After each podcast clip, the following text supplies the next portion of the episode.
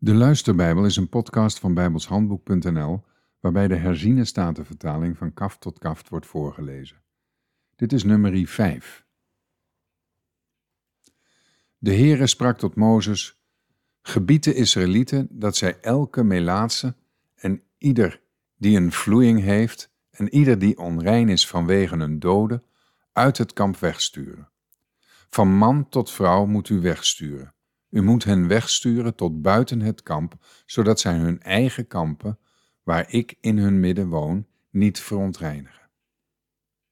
En de Israëlieten deden zo. Zij stuurden hen weg tot buiten het kamp. Zoals de Heere tot Mozes gesproken had, zo deden de Israëlieten. De Heere sprak tot Mozes: Spreek tot de Israëlieten en zeg: Wanneer een man of een vrouw een van al de zonden van de mens doet, door trouwbreuk te plegen tegen de Heere, dan is die persoon schuldig. Zij moeten hun zonde, die zij gedaan hebben, beleiden. Daarna moet hij van zijn schuld de volle waarde vergoeden en er bovendien nog een vijfde deel aan toevoegen. Hij moet het geven aan hem tegenover wie hij zich schuldig heeft gemaakt.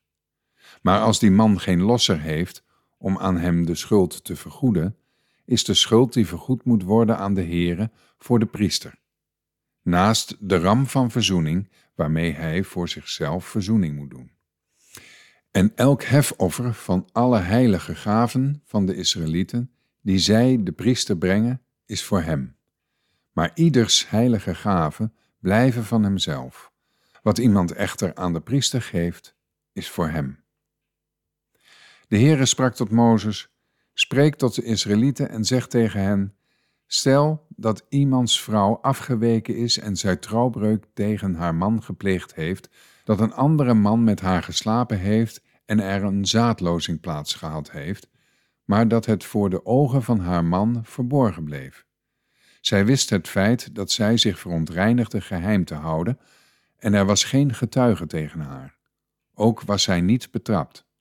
Als er echter een geest van achterdocht over haar man gekomen is, zodat hij achterdochtig geworden is tegenover zijn vrouw, terwijl zij zich verontreinigd heeft, of als er een geest van achterdocht over hem gekomen is, zodat hij achterdochtig geworden is tegenover zijn vrouw, terwijl zij zich niet verontreinigd heeft, dan moet de man zijn vrouw bij de priester brengen en haar offergave voor haar meebrengen, een tiende Eva gestemeel.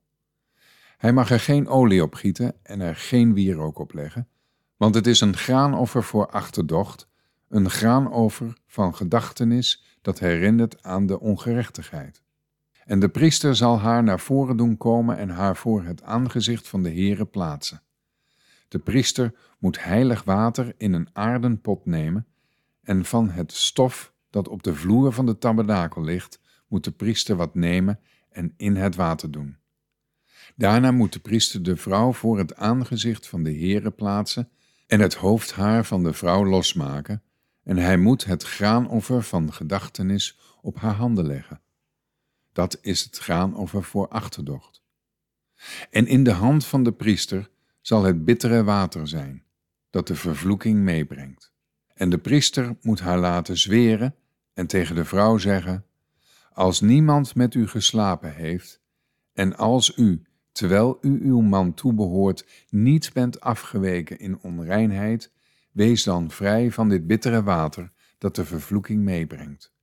Maar u, indien u, terwijl u uw man toebehoort, bent afgeweken, en indien u uzelf hebt verontreinigd en een andere man met u de geslachtsdaad verricht heeft, en niet uw eigen man, dan moet de priester de vrouw met de eed van de vervloeking laten zweren de priester moet tegen de vrouw zeggen: De Heere zal u tot een vervloeking en tot een verwensing stellen, te midden van uw volk, doordat de Heere uw heup doet invallen en uw buik doet opzwellen. Dit water, dat de vervloeking meebrengt, zal in uw binnenste komen en uw buik doen opzwellen en uw heup doen invallen.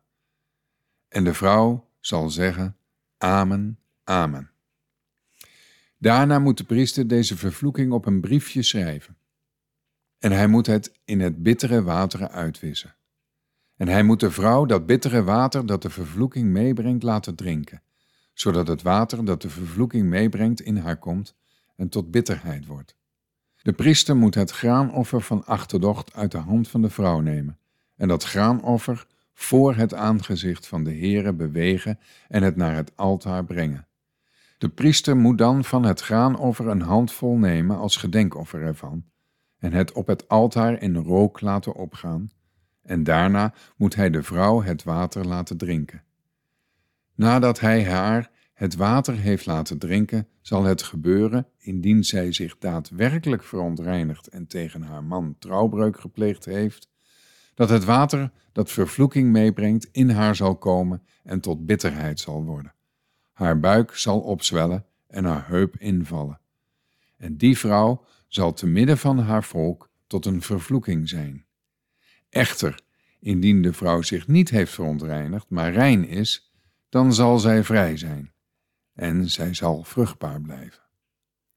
Dit is de wet voor de achterdocht wanneer een vrouw, terwijl zij haar man toebehoort, afgeweken is en zich heeft verontreinigd, of wanneer een geest van achterdocht over een man komt en hij achterdochtig wordt tegenover zijn vrouw. Dan moet hij de vrouw voor het aangezicht van de Heere plaatsen en de priester moet deze hele wet op haar toepassen. En de man zal vrij zijn van ongerechtigheid, maar die vrouw zal haar ongerechtigheid dragen. Tot zover.